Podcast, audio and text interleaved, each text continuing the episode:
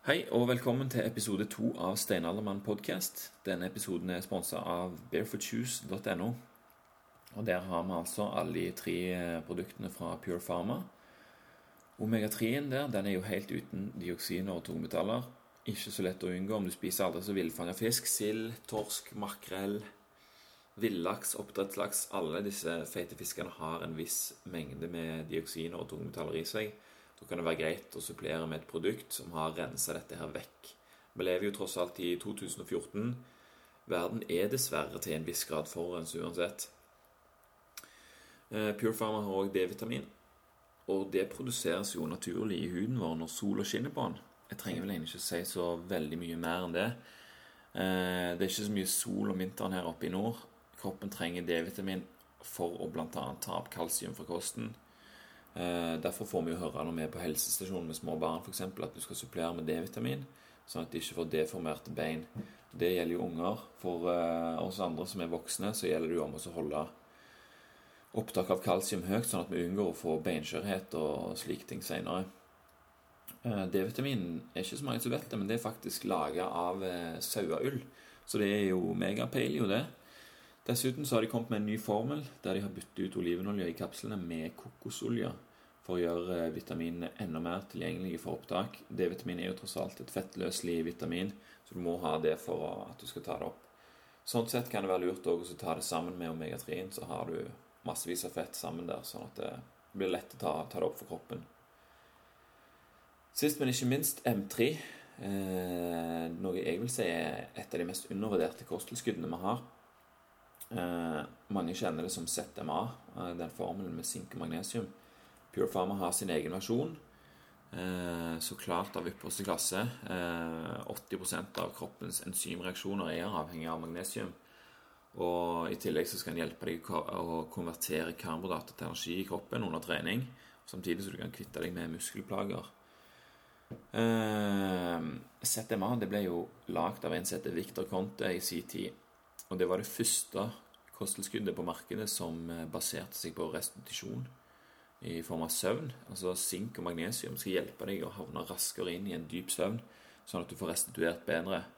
Så anbefaler jeg å kjøre dosen der, altså en times tid etter, etter du har spist om kvelden, og en times tid før du legger deg. Havner du inn i en dyp søvn, så på kjøpet så får du en viss mengde med mer eller mindre ville drømmer. Eh, prøv det ut, se hvordan det går. Alle disse tre produktene får du på barefootjuice.no. Og hvis du laster ned forrige episode med Christer Idland, så kan du faktisk høste deg en rabattkode på Pure Pharma-produktene der. Uh, nye ting som er på plass på barefootjuice.no. Paleo Crunch. Uh, en svenske som har funnet på disse her. Han uh, savner det i markedet. 100% paleo. Ikke noe kjøtt i disse her eneste, men det er heller ikke hvete, melk eller noen annen slags form for korn eller bønner. Kun rå nøtter, frø, bær og frukt. Eh, perfekt å ha med seg på fjelltur. Det nærmer seg vår med stormskritt og digg å ha med i sekken når du skal ut og vandre. Sjekk det ut på barefootjuice.no, altså. Nå er det på tide å høre hva Sara Lucius har å fortelle. Hun driver bloggen Paleoliv. Sikkert mange som har vært inne der og kikka. La oss høre.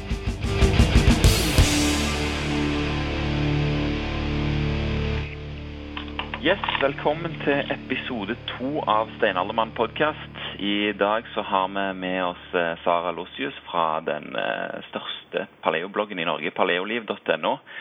Sikkert mange, spesielt eh, damer, som har vært inne og lest på den. Um, jeg ble jo egentlig faktisk kjent først med samboeren til, til Sara på level 1-sertifisering CrossFit i Stockholm i 2011, kan det stemme? Og så møtte jeg deg, Sara, senere, senere samme år faktisk, i Oslo på um, bodyweight-sertifisering. Steve Maxwell på Oslo Kettlebell Club. Mm. Stemmer ikke det? Det stemmer. Det stemmer, ja. Har du brukt eh, mye bodyweight-erfaringene -erfaring, dine i treningen din?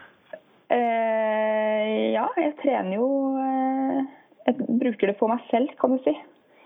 Jeg jobbet jo litt som eh, trener på CrossFit Oslo siden jeg også har level 1. Men uh, Jon tar treningsdelen i, uh, i forholdet. Så jeg er over. Så han trener ja. den mest personlige treneren du, altså? Eh, ja, bortsett fra at jeg kan bli litt irritert på han. Så jeg trener egentlig mest meg selv. Ja, Det er vel veldig vanlig i forhold til parforhold og trening? Jeg tror det. Men jeg vil si at omtrent alt jeg kan, eller mest jeg kan om trening, har jeg lært av Jon.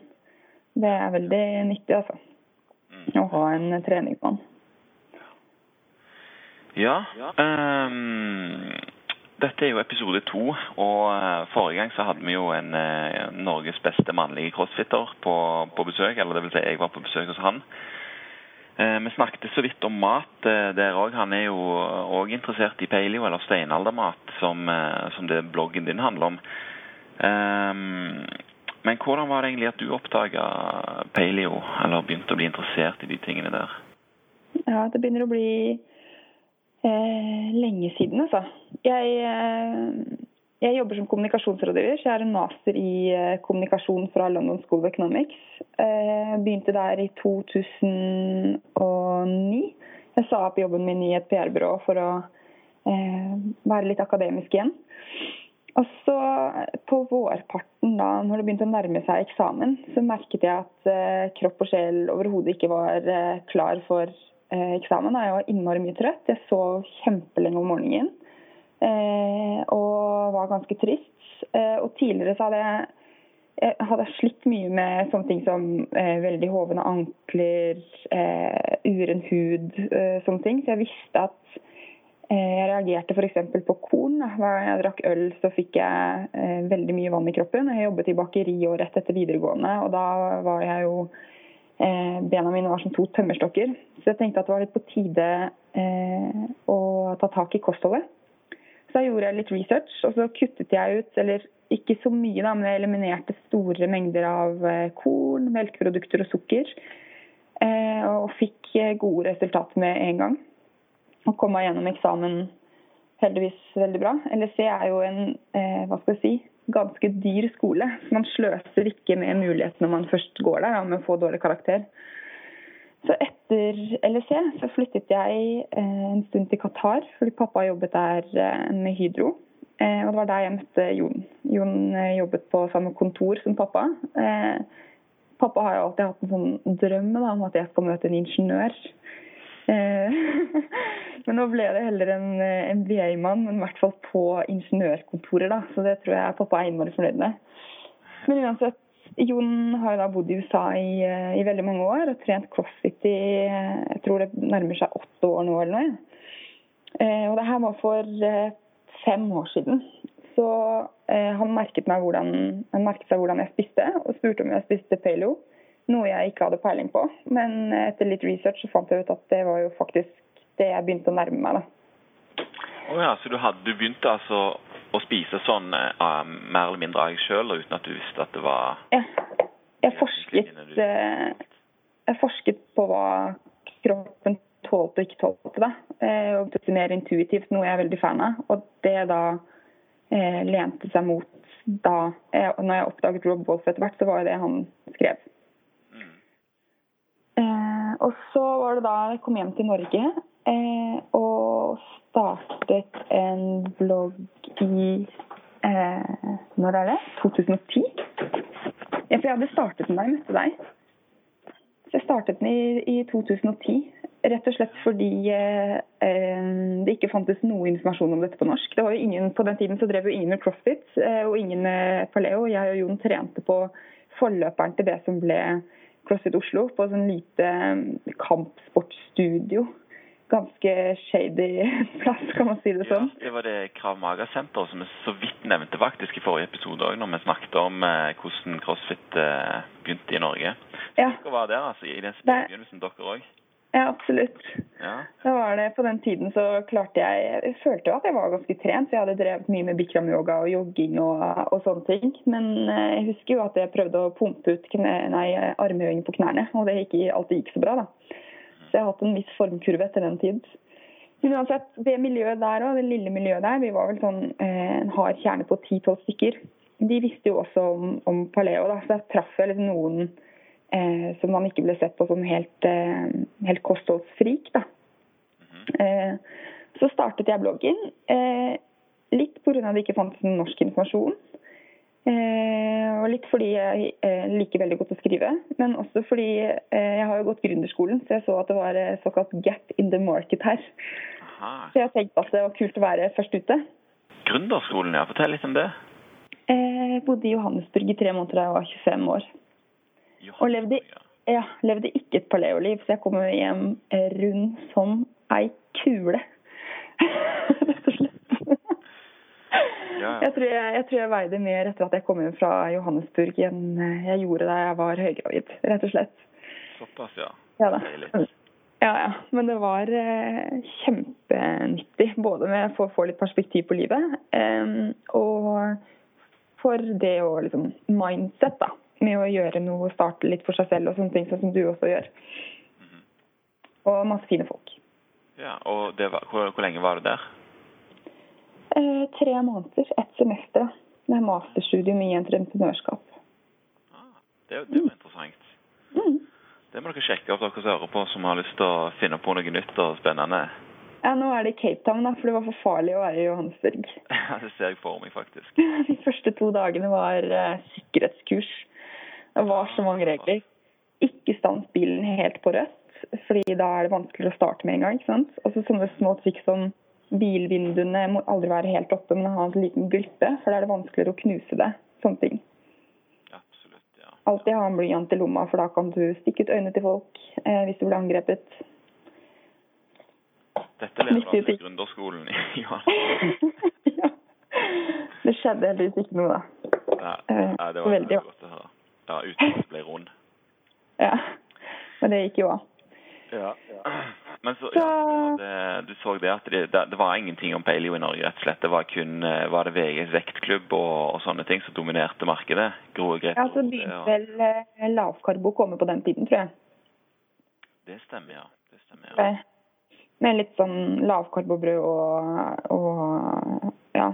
Jeg har ikke helt fulgt med på den delen, men jeg tror, tror det var rundt de tidene. Vi er jo litt etter i Sverige enn Sverige, og Sverige var vel før ute med lavkarbo. ja, ja. Tror det. Og så gikk det da I begynnelsen så oppdaterte jeg eh, ganske sjeldent. Eh, og jeg snuste som bare det. Det er jo bare å innrømme det. Sånn mokka rød, nei, lilla mokka. Paleosnus. Paleosnus, kan du si. Steinaldersnus. Eh, og jeg levde ikke Så jeg har jo gradvis blitt eh, striktere også. altså Forsket mer på kroppen min og funnet hva jeg tåler og ikke tåler, og hva jeg syns er OK å leve med. og sånne ting, Så jeg har blitt eh, gradvis funnet min pelevei. da. Men jeg hadde jo også ingen lesere. Altså helt Ja, ingen lesere.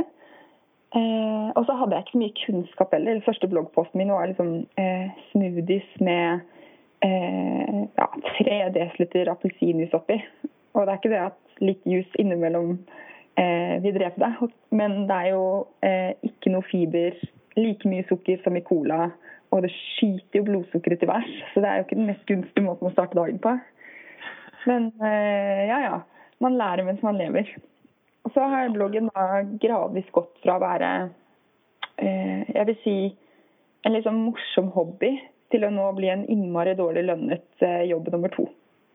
For nå, ja, nå føler jeg liksom Jeg har såpass mange lesere nå eh, og får såpass mange mail og meldinger på Facebook at jeg føler et ansvar for å oppdatere. Eh, og for å oppdatere meg selv faglig. Eh, og eh, for å bidra til å spre liksom, det gode ord da, i Norge.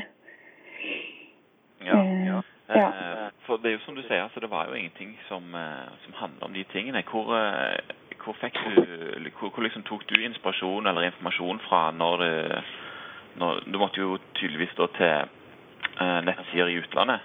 Var det Mm. Mark Sisson, liksom Rob Wolf eller disse her uh, folk? Jeg var mye Rob Wolf, og så var det jo litt Mark Sisson. Eh, og så var det Hall Nine. Online, ja. Veldig mye derfra. Eh, og så var det en stund Everyday Paleo, men jeg er ikke så ofte innom der nå. Men etter hvert så ble det liksom Nå hører jeg veldig mye på Balance Bites sine podkaster. Eh, jeg hører en del på Living La Vida Low Carb Show. Som eh, han Jimmy Moore startet jo veldig mye Han er jo veldig low carb, men han tar også inn flere og flere paleo-mennesker. Jeg syns generelt han er flink til å få liksom, veldig mange meninger fram. Da. At det ikke er bare én, ett sett med regler. Uh, ja, så er det Cave Girl Eats. Det er jo da hun ene fra Bounce Bites. Eh, og så er det eh, Da jeg var gravid, så var det mye theprimalparent.com. Og så er det Paleo for women innimellom, for hun skriver en del om hormoner og følelser knyttet til mat. Eh, av svenske Og så er det Under vårt tak er jo noe jeg er innimellom. Den er svensk. Og så vet jeg Altså Miljøet er jo ganske stort i Danmark, så jeg er jo medlem av en dansk Facebook-gruppe om paleo. Men jeg leser ikke så mange danske blogger. Generelt så leser jeg litt få eh, norske blogger, men jeg er mye innom amerikanske. da. Eh, Chris Kesser bruker jeg mye nå. Jeg syns han er megaflink. Ja, han liker godt selv. Ja. Liker veldig godt den approachen han har om at eh, Altså, det, jeg, jeg syns Hall Nine nå går vi kanskje litt eh, dypdykk inn i det før vi definerer paleo, men jeg syns kanskje Hold Nine innimellom kan ha altfor strenge regler, mens Chris Kessler er litt mer eh, Altså man må finne sin egen vei, da. Og det er jeg veldig fan av. Ja, det er vel det han sier, at du skal bruke, bruke paleo som et startpunkt for å Mm. deretter utforske litt grann hva du tåler. Mm. Men da kan vi jo ta oss og prøve oss å eh, si litt om hva paleo er, da, sånn i utgangspunktet. Ja. Eh, det første jeg vil da si, er at det ikke er en diett, men en livsstil. Og det tror jeg de fleste vil si seg enig med. Iallfall de fleste som har holdt på med det i, i opptil flere år. De føler Ja. at eh, det er ikke noe de har tenkt å slutte med.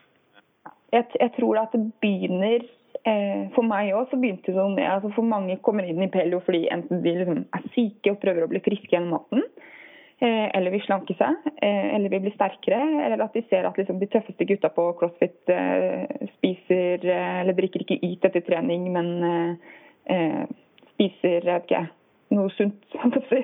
Ja, ja. noe ikke, ikke YT, da. Noe som ikke er reklamen på TV-en. Ja. Eh, og så etter hvert så kommer man inn i en slags livsstil. da. Men selve kostholdet da består jo av eh, rett og slett ekte mat som har vært på jorden lenge. Og som eh, våre gener kjenner igjen. Eh, mat som ikke er behandlet, eh, og som er naturlig næringsrik og i seg selv gir god helse. Så greit er det. Så Hall Nine sier noe fornuftig, er at maten du spiser kan enten gjøre det, eh, er enten bra for deg eller dårlig for deg. Og det meste av paleomaten er eh, Eller paleomat er bra for deg, da. Selv om alle ikke tåler alt. Så er sånn definisjonen er at det er bra for deg. Og så er da kjøtt, fugl, fisk, egg, grønnsaker, bær, nøtter, frukt, frø. Og for noen melkeprodukter, spesielt vi her i de nordiske landene hvor jeg tror det er 80-90 av oss eh, tolererer melk. Fordi det har vært en genetisk mutasjon. Sammen med eh, Hva er heter den stammen i Afrika? Samaier? Nei. De som er så innmari høye. De som hopper så høyt. Ja, jeg husker ikke helt hva de heter, men de også eh, tåler veldig godt melkeprodukter. Mens asiater som en hovedregel ikke tåler det så godt, da, fordi de ikke har fått den genetiske mutasjonen. Og så er det da livsstilen, er at det er fokus på eh, søvn og stressmestring. Altså det er sånn at du kan spise så bra du bare vil, men hvis du sover tre-fire timer om natten og er dritstressa, så teller ikke kostholdet omtrent noe. da. Så fokus på det. Og så er det fokus på øh, å være ute øh, og få vitamin D gjennom øh, solen. Selv om det ikke alltid funker her i Norge. Det er sånn at Hvis skyggen er lengre enn deg selv, så får du ikke vitamin D fra solen. Og det er ganske mange måneder av året her oppe i nord. Det var en god, eh, det var en god huskeregel. Absolutt. Det må du huske, du, som er late Your Pharma. Hva sier du? Det må du huske, som pusher eh, D-vitamin. Det skal sies at jeg tar D-vitamin eh, året rundt, da. Det gjør jeg. Eh, og så er det fokus da på funksjonell trening. Eh, ofte crossfit. Eh, det er vel der veldig mange kommer inn gjennom det. Og, og jeg tror at paleo også har spredd seg i Norge rett og slett fordi crossfit har spredd seg så mye. Det henger liksom sammen. Eh, og så er det også fokus på eh, å forske på seg selv. Altså, kroppen vår er jo stadig i endring. Det man tåler for et år siden, er ikke sikkert man tåler nå. Så f.eks. kjempe eller overvektige personer må kanskje leve under si 30 gram carbs en stund, men så når de har fått insulin sin i sjakk og sånn, så kan de øke det mye. Eh, og jeg merker at det er forskjell på hva jeg tåler nå eh, enn før jeg ble gravid, f.eks. Så det er sånn det er det jeg syns er fint med både paleo og eh, selve bevegelsen. Er at den er så utrolig utvikling. Eh, ja. Og, og at eh, det som du sier at det er rom for hele veien å på en måte oppgradere seg sjøl. At liksom, hvis du finner ut at du tåler ting, så er det ikke krise om du, om du reinnfører det. Sånn som Nei, nei. for eksempel Jeg har spist litt hvit ris i det siste, og det, det funker egentlig ganske bra. Men når jeg skal på hvete, så, så funker det ikke. Da er det jo lett for meg å tenke at eh, OK, da holder jeg meg unna hvete, da. Men eh, hvis, eh, hvis jeg får ris når jeg er på, på besøk en eller annen plass, så, så er ikke det krise. Mm. Men det er også Da kan vi hoppe rett inn til eh, sånn For du lurte jo litt på hvordan paleo var før og nå på den tiden jeg har fulgt det. eh, og jeg vil si eh, at i begynnelsen da jeg leste om det, sånn, så var det veldig lite fokus på f.eks. Eh, innmat, eh, kombucha og kraft. Og det er jo veldig viktig nå, siden det er næringsrikt. Spesielt innmat og, kraft er jo eh, supernæringsrike matvarer som det er blitt veldig fokus på. Tommel opp for det. Og så er det også noe som er ganske nytt, det med resistent stivelse. Og det er jo hvit ris, kald og kalde hvite poteter. Eh, og før var jo det fy-fy. Og hvis man skal være f.eks. Eh, eh, strikt lavkarbo, så utgår jo det. Og det, altså, og det er også en annen ting hva jeg liker veldig godt med Pelio, er at fokuset er jo på sånn Er dette bra for helsen min? Ja eller nei? Ikke på er dette innenfor visse regler en eller annen har funnet opp. Og det er derfor det også kan bli en livsstil. Jeg husker at jeg var medlem av ymse forum da, på, på Facebook av eh, mat, matinteresser av ymse slag, kan man si. Eh, og da var det en dame da, i et lavkarboforum som eh, spurte eh, vekten min går ikke ned, og jeg spiser under 40 gram carbs om dagen. Hva skal jeg gjøre? Og svar var ja, du må enda lenger ned. Og det tror jeg er helt feil. Jeg ville heller anbefalt henne å gå opp for å få i gang, eh, få i gang kroppen litt. da. Eh, og det er det som er med Pello, da, er at hvis du tåler hvit ris, sånn som du gjør, det er tommel opp, liksom. Da er det sikkert superbra for helsen din. Og noen tåler melkeprodukter og liksom eh, thrive. Jeg vet ikke om det er noe godt ord på norsk på det, men eh, sprudler, da, kan man si, med melkeprodukter i kosten. Og da skal de ha, selv om eh, strikt paleo ikke er det. Ja. Eh, og det funker eh, Det er det som gjør det til en livsstil som folk kan leve med over lengre tid. Da. Mm. Bare for å, bare for å ta, ta melkeprodukter litt, der er det jo veldig mange som er sånn Ja, skal det være, eller skal det ikke være? Og så er det jo Mm. stor forskjell på melkeprodukter. Altså hva har ku eller geita spist? Hva er gjort Mm. med melken etterpå? For Mm. eksempel eh, pasteurisering og homo homogenisering. Mm. Um, hva, hva tenker du om de tingene? Jeg tenker at man må forske litt selv, jeg. men generelt så ville jeg valgt økologiske melkeprodukter. Eh, så ville jeg valgt eh, feite melkeprodukter. Eh, melkeprodukter uten en lang ingrediensliste. Eh, og ikke ultrapasteurisert. Ja, så Vår da- melk, da. ja, ikke noe annet. Ja. Eh, ikke noe skumma og ja, for da betyr det jo faktisk at det, er på en måte prosessert. da, at det, Ja. Og jeg vil si den eneste yoghurten som duger, er, er den fra Synnøve Finden. For den Nei, det er det ikke. Den fra Tine. For den inneholder ikke skummet melkepulver eller noe. Det gjør de andre. Og de greske yoghurtene som er så moderne nå, de er ultrapasteurisert. Ja, for de har fått Og eh, dessuten så er det jo importert, er det ikke det? Det er jo ikke særlig miljøvennlig. Ja, nettopp. Ehm, det, det som jeg pleier å gjøre av og til hvis jeg får komme over melk Jeg, har faktisk, jeg er så heldig at jeg får en, eh, en flaske med melk eh, rett fra gården hver uke. Ja, det gjør vi òg nå. Ja, det, det er fint, det, altså. Så den melka der har jeg jo eh, eksperimentert litt med. Blant annet eh, så har jeg lagd yoghurt, og det er faktisk veldig lett å lage. Så det er bare til å varme opp melka litt til rundt 45 grader eller noe sånt. Ha i litt yoghurt, la det stå over natt, og så, så har du ny yoghurt av den melka som du har, som da ikke er pasteurisert, og har veldig mye bra, bra bakterier i seg. Mm. Eh, I tillegg så har jeg eh, fått eh, av en kompis av meg, Jan Christian, han ga meg noen eh, kefirkorn. Har du vært borti det? Nei, jeg har ikke begynt med det nå. Men jeg er veldig glad i kefir, og vi får også melk rett fra bonden. Så jeg skal teste det. Jeg drikker økologisk kefir innimellom. Ja. Fra Ja, hvis jeg kommer til Oslo, skal jeg ta med noen kefirkorn til deg, så kan du sette i gang. Gjør det. Ja. Bare for de som ikke vet hva det er, så er det altså kefirkorn en klump med bakterier og sopp da, som jobber De, de lever på, eh, på eh, karbohydrater i melk og produserer egentlig probiotiske bakterier, som mm. kan være veldig bra for uh, fordøyelsen. Og så er det vel sånn også at For hver batch du lager, så er det litt ulike kulturer, eller bakteriekulturer. Så blir det aldri liksom helt lik. Og Det er også bra for tarmsystemet. Ja, nettopp. Ja, det har jeg òg merka med, med, den kefiren. Liksom, denne uken var en god. Liksom, hva de har gjort nå som har gjort at den er, den er, bra. Og Måten du lager det på, er jo faktisk at du bare legger de kornene oppi melk og lar det stå i romtemperatur et døgn ca. Og så har du, har du kefir. Det, det, er fint. Det må jeg lage. For jeg, jeg testet litt uh, nå. Vi får, uh, vi får, også melk direkte fra bonde. Melk, yoghurt uh, og surmelk. da. Fordi vår datter på 11 måneder hun er utrolig glad i yoghurt. Og da tenkte jeg at det er greit å gi henne eh, skikkelig god yoghurt. Eh, og så er jeg veldig glad i surmelk, men det var bare å glemme. Jeg tåler det ikke. Det er trist. Og da er vi jo inne på noe som har faktisk eh, gjort at din blogg tror jeg har blitt veldig populær. Det at du faktisk ble gravid mens du gikk på, på denne Vi kaller det selvfølgelig ikke diett, mens du gikk på denne listen.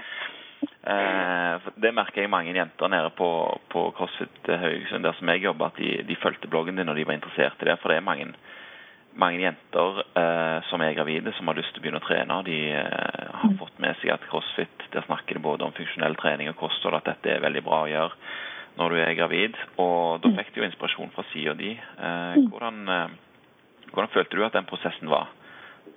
Å være gravid? Ja, eller å finne ut at du var gravid. liksom, Ville du endre noe med kostholdet ditt, eller bare kjørte du på som vanlig? Hva med treningen? Eh, ja, det er jo litt av en historie der. Eh, altså, jeg hadde vel omtrent lyst på barn med en gang jeg så Jon. Oh, det, det er bra, Jon. Men eh, vi ble, og det er det vel andre fått med at andre som også Det som er med dette kostholdet her, jeg holdt foredrag om naturlig mat for mor og baby nå i høst på Lille Månes eh, høstkonferanse. Eh, og Det som er med dette kostholdet, her er at det er eh, hormonregulerende. For Du får jo ikke disse store svingningene i insulinet som man gjør når man spiser brød og pasta og sånne ting. Eh, og Insulin er et masterhormon, så det kan lett tulle med eh, forplantningshormonene. Eh, og Det er jeg et ganske godt eksempel på, for jeg ble gravid på første ironisk forsøk. Eh, innmari dårlig timing. Jeg hadde nettopp, eller jeg fikk vite at jeg var gravid dagen før vi tok over ny leilighet, og to dager før jeg begynte i et vikariat eh, som kommunikasjonsrådgiver, som var på tre måneder. Eh, ja, veldig glad jeg ikke ble dårlig, kan du si. og jeg fikk fast jobb da jeg var seks måneder gravid, så det er veldig bra. Men uansett, da jeg oppdaget jeg var gravid, det første jeg gjorde, var eh, å kaste snusen. Jeg snuste frem til det. Okay. Og jeg leste en artikkel her om dagen at stadig flere gravide snuser faktisk. Så fy og skam på det, eh, er hva jeg har å si. Det må jeg meg enig i. Mm. Så eh, jeg eh, kastet en full snusboks, litt furten. Eh, og så gikk jeg ned på CrossFit Oslo hvor Jon da var trener, for han eh, jobber som det på fritiden og fortalte nyhetene. Og han stakkar da skulle gå tilbake og være trener. Jeg tror han var i sjokk, men uansett. dårlig måte å fortelle det på. Jeg er så dårlig på hemmeligheter. Ja. men jeg ble veldig opptatt av å spise kjempenæringsrikt da jeg var gravid. Det var det viktigste. Eh, så jeg startet egentlig Jeg hadde hatt et bra kosthold fram til det, men etter at jeg ble gravid, gravid og nå som ammende Eh, så har det vært full fres på næringsrik mat. Og I begynnelsen så var jeg såpass eh, inni det at jeg liksom skrev ned alt jeg spiste. og alt sånt der. Fordi det er jo også undersøkelser som viser at, at det du spiser i svangerskapet Hvis du har et variert kosthold, så påvirker det altså smaksløkene til babyen. og jeg var hypp på å få, noen, få et lite menneske til verden som er like altetende og, og glad i mat som det jeg er. da. Men jeg spiste Jeg hadde fokus på å spise næringsrikt, og så hadde jeg også innmari fokus på å lytte til min egen kropp. For nå hadde jeg veldig mange års trening med eh, å tune kostholdet. Så, men i begynnelsen så hadde jeg eh, kjempelyst på f.eks. spinat og sånne ting. Og der er det jo mye folat naturlig. Eh, og mye jern. Og jeg hadde Mm. Og så hadde jeg ikke eh, Under hele svangerskapet hadde jeg ikke lyst på kyllingfilet.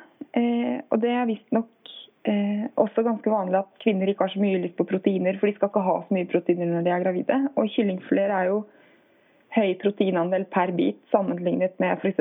lam og sånne ting som jeg hadde mye mer lyst på, hvor det også var mye mer fett. Og så hadde jeg lyst på melkeprodukter, så det hadde jeg i kosten min da. Og innmari mye leverpostei. Og jeg må bare innrømme at jeg lagde ikke min egen leverpostei på den tiden, så jeg spiste den danske leverposteien som har litt gluten i seg, med spiser. Var ikke mer perfekt enn det. Nei, nei. Men, det... Eh, og, men er først, jeg vil si etter at jeg var på en måte ferdig med graviditeten og Mini kom til verden, at jeg har lært eh, enda mer om liksom, de ulike stadene av graviditeten, hva man burde spise og sånne ting. Så hvis jeg skal bli gravid en gang til, så kommer jeg nok til å eh, Eller så kommer jeg til å bruke liksom, nyervervet kunnskap eh, enda mer, da. Ja. Det er jo sånn det er jo sånn med paleo òg, at det, det, utvikler seg hele tida etter hvert så du får ja, ja. ting og får, eh, får, ny informasjon. Og eh, så, når hun kom til verden, eh, hvordan eh, tenkte du da om amming? Det var vel bare samme stil da, egentlig? Ja, da hadde jeg litt mer peil, da. Eh, eller enda mer. Det var ikke sånn at jeg ikke hadde peil. Eh, for det første så har jeg aldri vært så sulten i hele mitt liv de tre første, eller fire første månedene av ammingen. Jeg var, eh, og spesielt, spesielt de tre første ukene. Jon var hjemme i tre uker. og hun ammet jo mye, som småbarn gjør. og Jon skar opp maten sånn at jeg kunne amme med en og spise med andre. Jeg spiste så mye. ass. Jeg var sulten hele tiden. Men det jeg hadde fokus på, var Eh, graviditet og fødsel er jo en innmari tøff påkjenning for kvinnekroppen. Eh, så eh, Skal vi se, jeg skal slå av PC-en. Sånn. Eh, så jeg tenkte at jeg trengte næringsrik mat eh, for å bygge opp kroppen min fortest mulig. Eh, og at Mini da skulle få næringsrik melk. Det var det var Og jeg spiste eh, spiste vel Nei, rett og slett spiste superbra. Veldig mye. Søtpotetstappe med sleiv omtrent. Eh, masse kjøtt. Eh, det var en periode etter at hun ble tre måneder, for hun reagerte på mørk sjokolade i begynnelsen. Eh, etter hun var sånn tre og en halv måned eller noe, tror jeg spiste omtrent 100 gram mørk sjokolade om dagen. Men det var også for å ikke bli for tynn, altså. Fordi selv om jeg spiste mye, så jeg var jo fort aktiv igjen i og med at jeg trente jo gjennom hele graviditeten og var i god form. Eh, så jeg kom fort i gang med å bevege meg. Jeg gikk kjempelange turer. Hun er født i mars, så det var jo helt gull. Jeg gikk opp til, eh, for de som bor i Oslo, fra, fra Sognsvann til Ullevålseter, og det er ganske god tur. Eh, så både det at det var høyt, en, høyt nivå da, og ammet, så trenger man å fylle på med mat. Og jeg var ikke keen på å bli mager eller miste melken. Da. Jeg merket at hvis jeg f.eks. spiste for lite en dag, eller for lite carbs faktisk, så gikk det litt utover eh, melken. Og jeg har vært hypp på eh, å fullamme så lenge som hun ville ha pupp, da. Ja. Og så er det jo eh, som jeg lærte etter hvert, er at f.eks. Eh, omega-3-nivået i melken Omega-3 er superviktig for utvikling av barnets hjerne. Det tas fra hoftene til mammaen. Men eh, det lagres på kroppen mens du er gravid. Så Derfor er det viktig å spise omega-3 eh, særlig i siste trimester, da, når hjernen til babyen er i rivende utvikling eh, for å gi det da, og også for å lagre gode fettsyrer på, på hoftene. Eh, bare for å ta en liten stikk der. Eh, for de ja. som eh, har lyst til å være så tynne som fotballfrue var fire dager etter fødselen, så er ikke det gjerne det mest optimale. Da, med at du faktisk skal ha et godt fettlag på kroppen for å, for å gi best mulig utgangspunkt for Mini. Ja, det kan hende den er lagret litt, det vet ikke jeg. Men jeg, jeg gikk jo fort ned i vekt, jeg òg. Men jeg har aldri vært liksom Det syns jeg har vært en fin bonus. Um, og det er det samme med Pelo. De fleste får jo, veldig mange får ganske snasende kropper på, på å trene, uh, spise eller spise sunt, trene uh, og sove nok.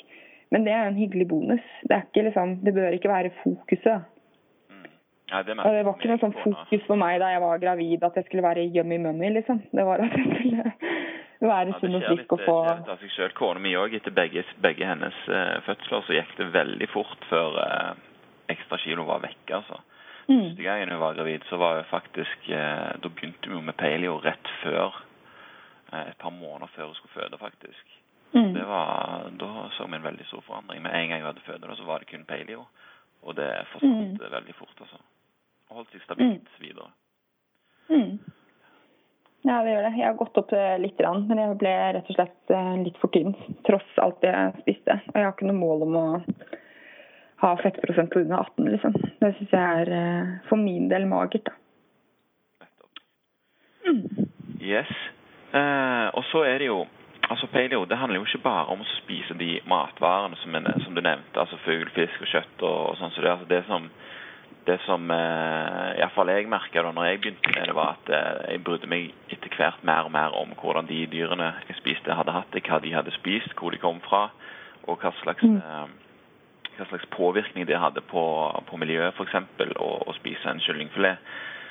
Eh, og det er jo mange, mange syns jo at det er veldig vanskelig eh, når de begynner med paleo, at de, at de må ha de må ha margbein fra, fra grass-fed beef, og de må ha liksom, lam rett fra fjellet og liksom, kanskje kjøpe noe i butikken og sånt. Eh, hva, hva, Har du noen tips i forhold til det, eller hvordan gjør dere det? Har det utvikla seg, eller begynte du rett på? Nei, nei, nei. Eh, jeg tror eh, altså Mitt tips er å først kutte ut den maten som ikke gjør deg frisk. Eh, og spise mer av det som gjør deg bra. Og så etter hvert kan man pimpe. Det er i hvert fall eh, den tilnærmingen jeg har til det. Vil si at gir mer eh, jeg, Eller det jeg er opptatt gjennom bloggen min og gjennom eh, det jeg formidler, da, er at paleo ikke skal være så vanskelig å starte med. Fordi det er vanskelig nok for veldig mange å liksom eh, ikke ha den brødskiven til lunsj, eller eh, ikke spise havregryn til frokost, eller bare liksom snu sannhet i hjernen om til at eh, fett ikke er farlig, mens korn, som vi har lært siden barneskolen eh, og før det, eh, er bra for deg. Det er, sånn, det er, på en måte et paradigmeskifte i hjernen. Og hvis man i tillegg da plutselig skal liksom, eh, begynne å like lever hvis man ikke liker det, eller koke kraft, eller må spise økologisk, så tror jeg at flere da faktisk ikke begynner med paleo. Eller hopper fort av. Ja, eller fort, fordi det blir for mye pes. da. Eh, og det er jo Altså, det kan jo tidvis være mye jobb, så jeg bruker jo jæskla mye tid eh, på kjøkkenet. Her burde jeg kanskje gi honnør til Jon. Han bruker mest. Så er det sagt. Honnør, Jon. Honnør. honnør, honnør. Men eh, Så jeg vil si kutt ut Starte med Bello, så kutt ut mat som eh, helt tydelig ikke er bra for deg, og så etter hvert gå begynne å pimpe. Eh, og så, så for vår del så har det også gått gradvis. Vi spiste kyllingfilet vi egentlig frem igjen til jeg ble gravid. Mens nå er det da utelukkende stangekylling. Nå har vi også eh, kontakt med noen jegere, så vi får elg. Eh, og i vår byleilighet så har vi satt inn en ekstra fryser, så vi har kjøpt eh, gris fra både Nei, fra Øygarden får fisk og flesk. Eh, nydelig nettside, forresten. Eh, der, hvor, eh, der går grisene ute eh, store deler av livet sitt. Løper lykkelig rundt. Så det smaker helt fantastisk. Og så har vi fått lam. En gang til, bare sånn at folk Jeg tror det er oigarden.com eller noe. Du kan google Øygarden får fisk og flesk.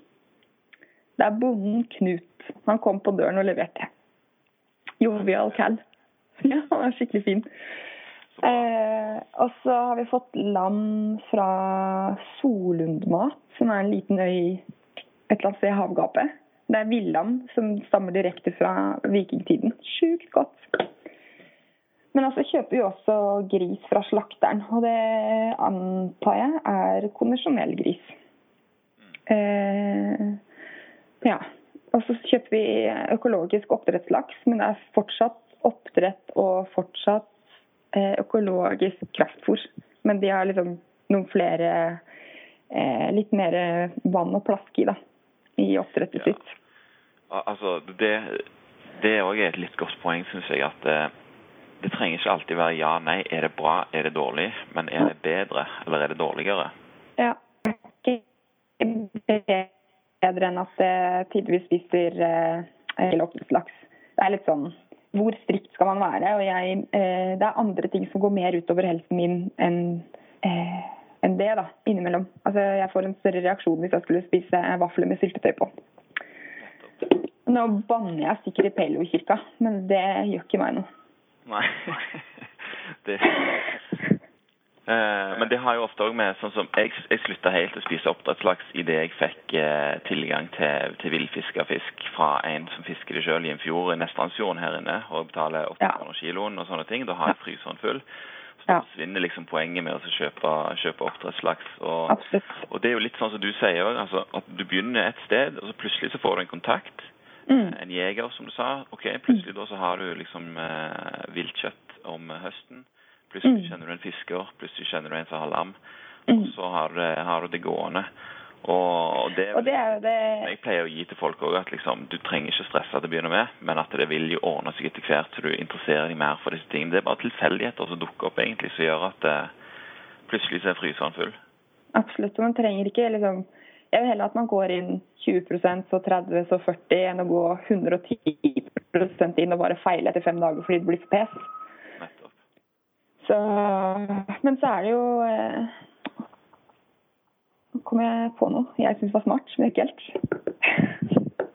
Vi fortsetter, jeg kommer tilbake til det. Jo, det jeg skulle si var at det er mye hyggelig å kjøpe mat direkte fra liksom, produsent eller via venner som jakter, eller være med i melkering eh, og sånne ting. Fordi eh, For det første så er det jo ikke vet, Det er billigere enn å kjøpe i butikk. Eh, og man gir pengene direkte til små gründere. da og det, jeg syns, syns, det gjør så mye bedre når jeg bruker penger, at jeg liksom gir penger direkte til folk istedenfor sånne mellomledd.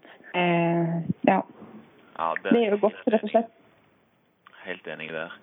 Uh, uh, hva var det jeg skulle si?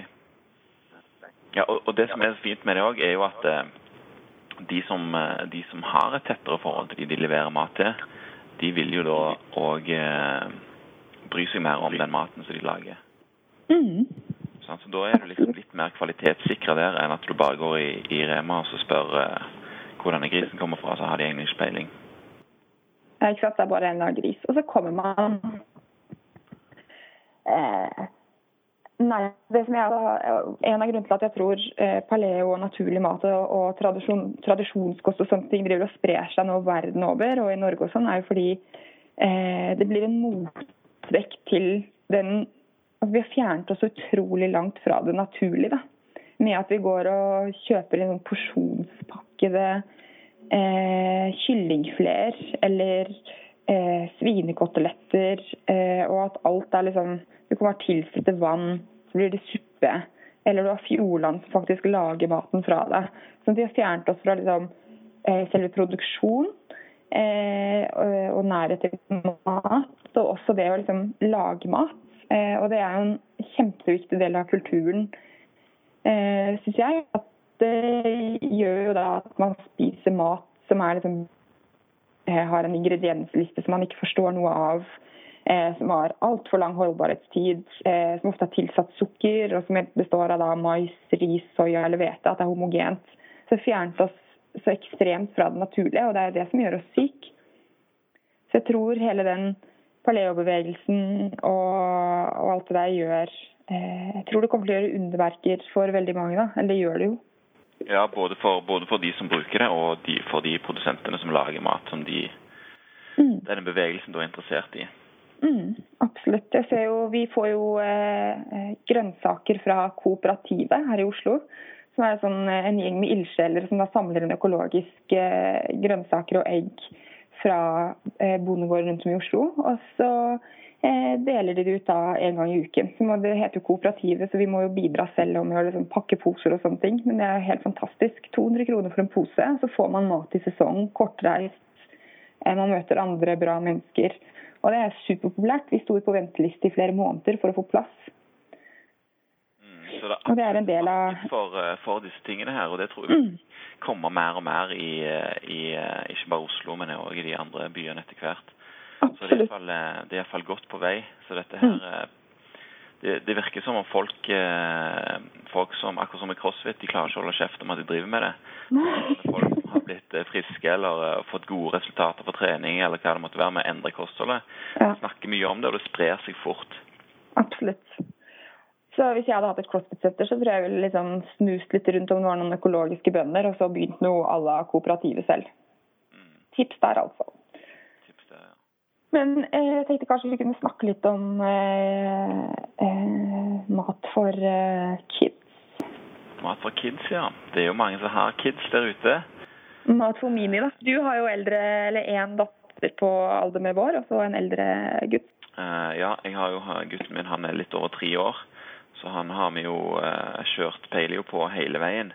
Mm. Eh, stort sett bare det samme som vi spiste fram til han begynte i barnehagen. Ja. Og da begynte ting å bli vanskelig, rett og slett. Altså, og det tror jeg mange andre òg opplever. at det, den maten som blir servert f.eks. i barnehage eller på skole, at den ikke helt er i, i tråd med hva som blir gjort hjemme. Så i, mm. i, begynnelsen, når han begynte i barnehagen, så sendte vi jo med han egen, eh, egen liste. Eh, og det var vel en gang jeg kom og skulle hente han litt tidlig, og de skulle eh, satt og, og spiste. Så ser jeg at han sitter og bare ser på sin mat, mens de andre sitter rundt bordet og gofler i seg med yoghurt og skjever og alt mulig.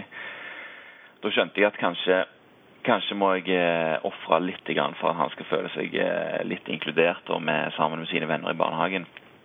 Det er vel det er sikkert mange opplever. Vi har jo ikke hun er jo ikke i barnehage ennå. Hun, hun, begynner i, eh, hos dagmamma nå. Jeg har jo ulønnet permisjon nå fra Ikea rett og slett fordi eh, vi ikke har barnehageplass før tidligst 1. august. Da. Men eh, Fenomen? Ja, det er jo det. Men eh, jeg koser meg, jeg, altså. Og jeg har nok å drive med. Men eh, eh, dagmammaen er veldig innforstått med at, eh, at Ellie spiser Eh, det vi sender med, da, og ikke noe annet. Men det er jo vanskelig. Jeg så jo vi var på eh, et sted på Grünerløkka barnevennlig kafé, eh, på et gamlehjem faktisk, ganske ålreit. Og de andre barna spiste jo vafler og sånn. Og Ellie er jo veldig interessert i hva andre gjør. og, og så det er liksom jeg måtte liksom dra henne vekk. Nei, vi spiser jo Det blir utfordringer. da. Jeg vet ikke helt hva vi gjør når hun begynner i barnehagen. Sender med henne mat. Men hvis hun syns at det er en påkjenning når alle andre spiser brød, så må man være litt sånn praktisk også, og pragmatisk, tenker jeg. Jeg, eh, jeg eh, så en venninne av meg som bor i, i København. Hun la nettopp en post eller en, eh, et innlegg om at den barnehagen som hennes unge går i, der er det bare økologisk mat, rett og slett. Mm. Og der er vi jo milevis ifra her i Norge. Jeg vet at den Steinerbarnehagen her i Haugesund de serverer økologisk mat, men på den barnehagen som, som Ask går i, der mm. er det baconost og prim. Ja, prim det fikk vi de faktisk å slutte med. Men, eh, men, de tingene der som er rett og slett bare det som jeg anser som død mat, da. Mm. spesielt den der skinkeosten. Men vi mm. prøver litt grann, og så påvirker de. sant? Eh, og det nytter ikke å påvirke folk og bare si at dette er bra og dette er ikke bra. Men eh, det er alltid informasjon som ligger bak for at folk skal ta, skjønne hvorfor de tar visse valg. da. Mm. Så litt, grann, eh, litt grann utdannelse til de som jobber der, så, så kan det skje ting. Og Det er jo ikke, det er ikke bare for ungene sin del, men det kan jo være interessant for de som jobber der òg. Ja, eh, det er jo gunstig for de som jobber med barn, og at barna har et stabilt eh, blodsukker. Jeg ser for meg at det gjør hverdagen enklere. Absolutt. absolutt. Du ser det altså, når du kommer inn der, hva som skjer. Det er jo bånn fyring altså, når, når, det blir levert unger om morgenen. Det, ja. det er Texas. Ja. Det, det, det, kan jo være lettere for de jobber med når de har litt, eh, litt rolige unger som har lettere for å konsentrere seg. Mm. og de tingene der. Og Det merker du òg på, på Ask hvis han kommer hjem fra barnehagen en dag, hvis det har vært bursdag. Det har vært servert kake eller is eller mm. noe i barnehagen. Da er stua snudd opp ned i løpet av eh, 40 sekunder. Så er alle putene på gulvet, og liksom det er fullstendig kaos. og han, han roer seg ikke ned liksom, før det har gått eh, ganske lang tid. Så det er jo litt sånn som oss. Hvis du har gått på paleo lenge, så skjønner du hvor skal du reagere på. Og det samme er jo da selvfølgelig med unger. Ja, ikke sant. Eh, er under vår vinge, da, så får hun kun eh, paleomat pluss yoghurt. Vigers er med på det, mamma er med på det, pappa er med på det. Eh, og jeg tror ikke noe Og så er det også, jeg tror jeg, sånn, jeg er jo den eneste eh, i min vennegjeng som, eh, som, har barn, eller oss som har barn, som ikke gir grøt. Og, eh, og, det jeg får av spørsmål da, er liksom ja, men hvordan får ungen i seg jern? Og hvordan får hun i seg kalsium og fiber? Og det er det som er så synd, for vi er rett og slett Jeg vil kalle oss litt sånn eh, hjernevasket At grøt. For det er jo tilsatt alt, ikke sant. Det, det er vidundermiddel. Altså eh, en, noe man får i en pose som er tørt, som man tilsetter vann. Det er det beste man kan gi ungen. Det er jo helt Jeg syns det er helt bananas. Eh, og, og Nestlå vet eh, har tilgang til når de er født. For når Ellie var et halvt år gammel, så fikk vi sånn bok fra Nestle.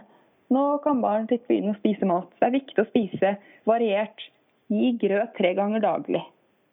Og litt middagsmat. Ja, altså det er jo Grøten smaker ulikt, men har jo, altså, den har jo samme konsistens. Den er alltid liksom 37 grader, for de fleste varmer jo opp. Og jeg bare tenker sånn Jeg gir jo ikke meg selv Ingen voksne gir seg selv grøt tre ganger daglig og litt middag. Og så skal det liksom være det beste for barnet. Jeg syns det er helt helt bak mål. Eh, og jeg merker at det liksom hisser meg til de grader opp da, over at det her eh, er så sannhet. Og over at folk er så redde for at barnet skal få mangler hvis de spiser ekte mat, at de gir grøt. Altså, nei, Er du ikke redd for at hun får jernmangel? Er det gale-Mathias? Eh, Ellie får jern gjennom eh, hjemmelaget leverpostei. Hun er kjempeglad i ulike typer kjøtt. Eh, grønnsaker. altså hun eh, alt går ned egentlig på høykant. Hun spiser innmari mye. Hun spiser veldig mye selv. Eh, og, eh, og, så vidt jeg vet, så lider hun ikke på noe mangelstoff. Det vet ikke, Jeg har ikke sjekket eh, blodet hennes, men eh, hun utvikler seg i hvert fall helt normalt. Og hun har aldri fått noe som helst på glass eller noe økologisk fra Ellas Kitchen eller noe. Jeg syns den var for søt da jeg kjøpte den. Men jeg tror også at det eh, Nå er jeg i gang med en monolog. Går det greit, eller? Det går bra. Ja, flott. Tar det på strak arm. Eh, det som også er med ferdigmat, er jo for det første så er det jo liksom eh, prosessert og lang holdbarhet og sånn, men det andre er jo det er jo dyrt og forurenser. Jeg er sikker på at når, Jon og jeg har sikkert et høyere matbudsjett enn folk flest. Men, eh, men det er jo ikke noe dyrere å gi Ellie litt av maten vår enn det det var før, liksom. Eh, og det er ikke noe vanskelig heller. Det er bare jeg lager liksom, ja, rett og slett får det vi får. Når vi er ute, så skjærer vi opp kjøttet hennes i bitte små biter, og så spiser hun det. Eh, ja, så ja. Det, det, som er òg eh, sjokkerende med, med, dette som du snakket om med, med grøt, er at når du er på helsestasjonen, så har jo faktisk mm. helsesøster er jo pålagt å anbefale grøt. Mm. Så det er jo ikke rart at, at folk tror at det skal være sånn. Nei, nei. Altså, Du skal jo stole på helsesøster. Altså alle Som er litt kul. Hun, jeg vet ikke om hun har gått på kurs og var veldig enig med oss, eller hva. Men hun sier iallfall at eh, jeg er pålagt. Og, det er veldig bra, da. Men det er helt, helt, supert at dere ikke gjør det. Og det er selvfølgelig bra med eggeplommer og kraft og, og disse tingene her. Ja, ja. Det som også er litt rart, er jo at eh, noen av de barnemattingene er, er eh, labela med sånn lavt innhold av mettet fett. Eh, mye av fettet fra eh, brystmelkefett er jo mettet fordi det er så viktig for utvikle nervebaner. Både det og kolesterol. Men med en gang barnet skal begynne å spise, skal det liksom få i seg skummet melkpulver. Det er jo helt det Jeg syns det er helt galskap. Og så er det innmari lite info om det. ikke sant? Jeg har jo, eh, jeg har kun fått info om det her via en amerikansk og noen britiske nettsider og bøker jo, det er jo ikke, Da jeg var gravid eller skulle introdusere eller format, så var det jo ikke noe info om det her på norske blogger. Det er, noen, det er en del tradisjonsmatsirkler og sånn som, som, også gir eh, eller lik mat, da, eller barna sine lik mat. Så det begynner bli, det begynner å bli litt. Men uh, lite info og mye propaganda. Mm. Så de altså som lurer litt på dette her, om hvordan de skal til seg når de er gravide, når de ammer eller når de planlegger å få barn, de bør absolutt følge bloggen til, til Sara, paleoliv.no. Der får du eh, informasjon på norsk som, eh, som kan hjelpe deg å få en mm. Og så Det er bare å sende meg en mail på sara.paleoliv.no eller en melding på pagen på Facebook, så svarer jeg jeg har litt lengre svar til enn vanlig nå, men jeg svarer alle. Det er bra. Mm. Det er godt å vite. Mm. Og det er eh, eh, Jeg har mye mer info i hodet mitt enn det jeg har ute på bloggen nå. Men jeg har ikke helt eh, fått alt ut ennå. Men det kommer, det kommer. Men det, det er jo litt fint med, med, med en podkast, syns jeg. At der kan vi snakke litt fritt istedenfor å tenke på det vi skal skrive ned. Mm. Eh, Så det håper jeg at folk eh, vil finne ut at det er en eh, veldig god måte å få informasjon på. da. Mm.